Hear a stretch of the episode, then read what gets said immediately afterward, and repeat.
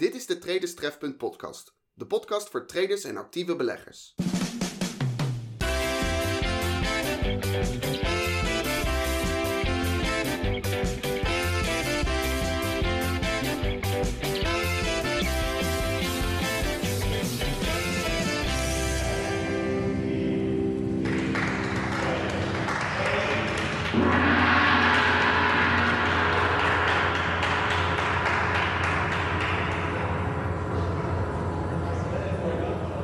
Is absoluut niet zo dat ik een emotionele binding heb met de openingsgong van Beursplein 5.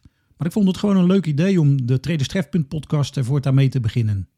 In deze podcast ga ik het hebben over de verschillende grafiektypen, of types zoals we hier in Rotterdam zeggen, die je kunt gebruiken bij de technische analyse. Je luistert naar de Traders Trefpunt podcast en ik ben Marcel van Vliet.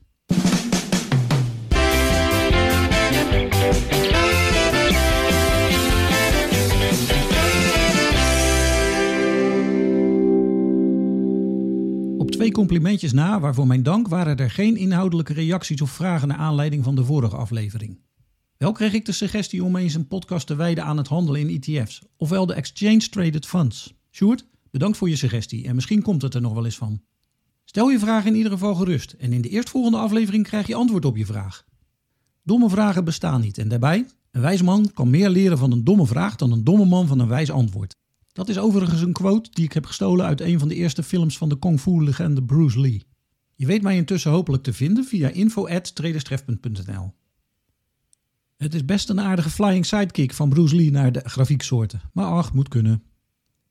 Vraag een willekeurig trader of actief belegger naar een grafiek om te gebruiken bij het handelen en je krijgt ongetwijfeld de candlestick chart als antwoord. Met een beetje geluk wordt daar nog de bar chart en of de lijngrafiek aan toegevoegd, maar dan heb je het ook wel gehad. Er bestaan echter veel meer type grafieken. Open de grafiekpagina van Excel maar eens. Alleen zijn ze niet allemaal even geschikt voor het gebruik bij technische analyse. Daarom vond ik het niet meer dan logisch om mij in deze podcast, die notabene over training gaat, te beperken tot de grafiektype die je wel bij het traden kunt gebruiken. Ik begin met het grafiektype dat het meest wordt gebruikt door traders en actieve beleggers.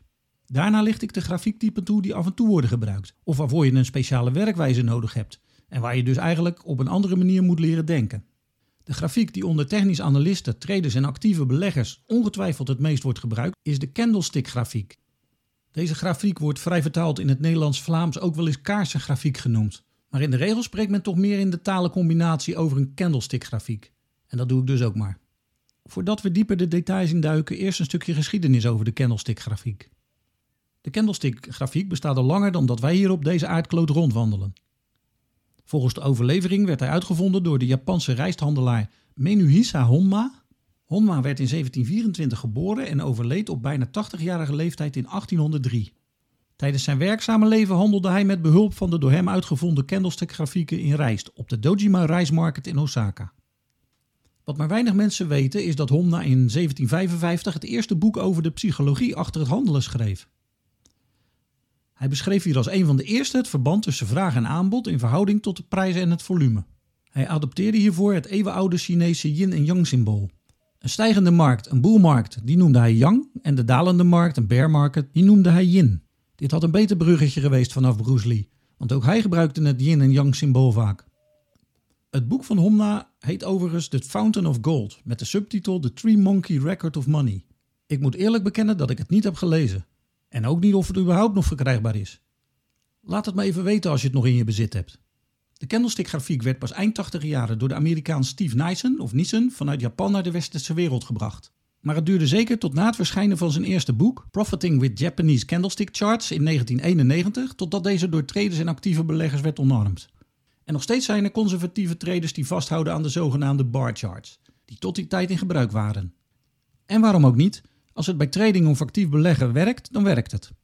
Aan de ene kant werden de grafieken door de candlesticks een stuk overzichtelijker, maar aan de andere kant, er stonden in het boek van Nyssen wel honderden candlestick-patronen met allemaal een verschillend karakter. Het is gewoon niet te doen om deze allemaal uit je hoofd te leren en ze vervolgens ook nog eens op de grafieken te leren herkennen. Namen als Doji, Tatsuki, Harami, ze verwijzen allemaal stuk voor stuk naar de oorsprong in 1700 en naar de eerste gebruiker Menuhisa Homna. Een grafieksoort die veel overeenkomsten vertoont met de candlestick-grafiek is de candle-volume-grafiek. Op dit type grafiek wordt het volume, als dit tenminste door je broker wordt geleverd, in de candle verwerkt. Het lijkt een beetje op ons als mensen. Hoe dikker de candle, hoe meer het volume. Ik heb dit grafiektype zelf ook een tijdje gebruikt in plaats van het gewone volume. Maar ik vond op den duur toch dat mijn grafieken daar een beetje te rommelig uit door kwamen te zien. Ik noemde de bar chart al eerder. Deze grafiek was de voorloper van de candlestick grafiek en bestaat uit een verticaal streepje dat het laagste en het hoogste punt symboliseert. Aan de linkerkant van het streepje vind je horizontaal een streepje voor de openingskoers en aan de rechterkant voor de slotkoers. Ik kan me voorstellen dat deze beschrijving een beetje moeilijk overkomt als je geen afbeelding voor de geest kunt halen. Daarom heb ik voor de duidelijkheid in de show notes van deze aflevering een afbeelding bijgevoegd. Surf hiervoor naar traderstref.nl en selecteer het tabblad podcast. De derde populaire grafiek die ik graag wil toelichten is de lijngrafiek. Niet zozeer geeft dit type zoveel informatie als de candlestick grafiek of de bar chart, maar de lijngrafiek wordt meestal naast een van deze twee gebruikt. Doordat de lijngrafiek slechts één koers laat zien, is deze grafiek uitermate geschikt voor het bepalen van de sleutelgebieden op de grafiek. Zo is het bijvoorbeeld veel gemakkelijker om twee of drie punten op de grafiek te verbinden om zo een steun of weerstand te bepalen. Hetzelfde geldt natuurlijk ook voor het tekenen van trendlijnen, trendkanalen en prijspatronen.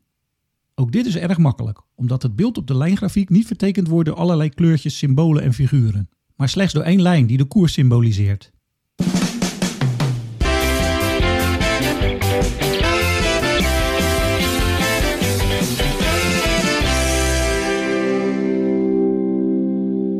Naast de meest gebruikte grafiektypen zijn er nog een groot aantal grafieken die zijn samengesteld uit de eigen interpretatie van de prijs en volume door de bedenkers.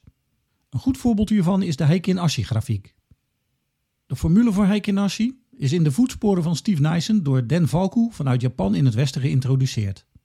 Den Valku is tegenwoordig werkzaam als Certified Financial Technician, een zogenaamde CFTA, bij zijn eigen firma Educofin. Een andere ambassadeur voor de Heikin-Ashi-grafiek is de voor velen welbekende Belgische trader en technisch analist Sylvain Vervoort. Vervoort werkt tegenwoordig als webmaster, ik geloof vanuit de omgeving van Brussel, voor zijn eigen website stoccata.org. Heikinashi betekent in het Japans letterlijk gemiddelde candlestick. Deze naam geeft eigenlijk de berekening van de candles goed weer. De candles van de Heikinashi grafiek worden namelijk berekend met behulp van een gemiddelde van de opening, de slot, de hoogste en de laagste koers van de vorige handelssessies. Het gevolg hiervan is dat iedere nieuwe candle precies in het midden van de vorige opent. Je weet dus altijd vooraf precies waar dit zal zijn. Maar binnen de technische analyse wordt de Heikinassi vooral veel gebruikt om de trend gemakkelijker te kunnen herkennen. De grote gemene deler van alle tot nu toe genoemde grafiektypen is dat zij allemaal afhankelijk zijn van het component tijd. Niet voor niets kan er worden gehandeld op verschillende timeframes, zoals bijvoorbeeld mijn favoriete daggrafiek, maar ook de uurgrafiek, die in het jargon overigens H1-grafiek wordt genoemd, en verder een beetje afhankelijk van wat je broker je aanbiedt, iedere gewenste tijdeenheid. De kleinste eenheid is per tik, deze wordt maar zelden door serieuze traders gebruikt. Zelfs voor de zogenaamde scalpers is deze tijdeenheid nog te klein om op te kunnen handelen. Naast de grafieken op basis van de tijd zijn er ook grafieken waarbij dit component tijd nadrukkelijk is weggelaten. Dit noemt men in de technische analyse de zogenaamde tijdonafhankelijke grafieken. De luisteraars die al een dagje langer meelopen en mij al een paar jaar volgen, die weten dat ik ooit veel handelde op zo'n tijdonafhankelijke grafiek. Dit was de Renko-grafiek. Ik heb er zelfs samen met een andere best bekende trader een website voor gehad die Renko Café heette. Andere tijdonafhankelijke grafieksoorten naast de Renko-grafiek zijn de point-and-figure charts, Kagi-charts en de range bars. Omdat al deze grafiektypen zijn gebaseerd op de koers, zit het verschil eigenlijk alleen maar in de weergave. Zo bestaat de Renko-grafiek uit blokken. Renko betekent dan ook blok in het Japans. Bij de point-and-figure grafiek moet ik altijd een beetje denken aan het ouderwetse boter, kaas en eierspelletje dat wij vroeger op school speelden. Want dit type grafiek bestaat uit dezelfde kruisjes en rondjes als het boterkaas en eieren spelletje. De volgende grafiek op mijn lijstje is de Kagi-grafiek. De Kagi-grafiek bestaat uit één lijn die als een rechthoekige lijn over de grafiek loopt. Op dit moment besef ik ineens weer eens hoe moeilijk het is om iets te beschrijven terwijl jij het als luisteraar niet voor je kunt zien. Daarom heb ik in de show notes van deze aflevering van alle genoemde grafiektypen een afbeelding geplaatst. Neem gerust eens een kijkje. Je vindt de show notes op de podcastpagina van traderstref.nl. Het laatste grafiektype waar ik in deze aflevering aandacht aan wil geven is de range bar chart. De range bars, die eigenlijk Nicolelles range bars heten, zijn halverwege de jaren 90 ontwikkeld en geïntroduceerd door de Braziliaanse trader en later broker Vincente Nicolelles. Nicolelles was al een tijdje op zoek naar een manier om de dagelijkse volatiliteit van de markten waarin hij handelde in zijn voordeel te gebruiken. Hij was ervan overtuigd dat het tempo van de bewegingen van de koers het gevolg waren van de volatiliteit en een mogelijkheid waren om er winst mee te maken. Vanuit die gedachte ontwierp hij de rangebar, waarbij de koers het enige component is waarmee rekening wordt gehouden en het component tijd volledig buiten beschouwing wordt gelaten. Dit principe verschilt overigens maar weinig van de andere tijdonafhankelijke grafieken. Het enige verschil zit ook nu weer in de weergave. Ook nu geldt weer, net zoals bij alle andere zaken waar technische analyse aan te pas komt, als het voor jou maar werkt. Wanneer traders en actieve beleggers dus gebruik willen maken van een tijdonafhankelijk grafiektype, dan is het slechts zaak om uit te vogelen hoe zij de grafiek op hun beeldscherm willen zien. Tot slot van deze reeks grafieken wil ik er nog een aantal noemen die door de verschillende brokers worden aangeboden, maar waarmee zo weinig wordt gewerkt dat het weinig zin heeft om er dieper op in te gaan. Maar voor de volledigheid en het geval dat je nog geen keuze hebt kunnen maken voor het type grafiek dat voor jou zou kunnen werken, wil ik je toch graag het bestaan meegeven van de Treeline Break grafiek, de equivolume grafiek, de berggrafiek, het histogram of staafgrafiek en de puntgrafiek waarmee je eventueel ook de financiële markt in kaart kunt brengen.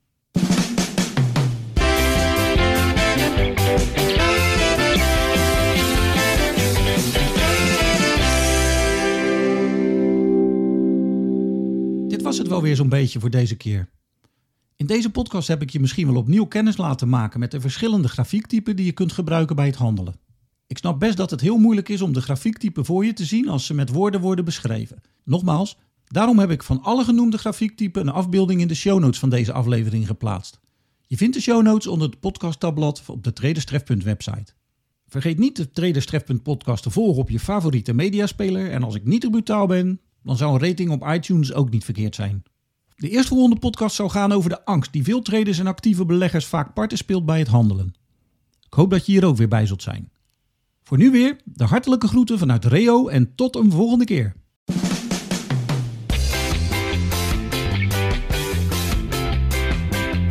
Dit was de Traderstref.podcast. podcast. Bedankt voor het luisteren. Bezoek de Traderstref.website website voor meer informatie over Marcel van Vliet en de harde kern van Traderstref.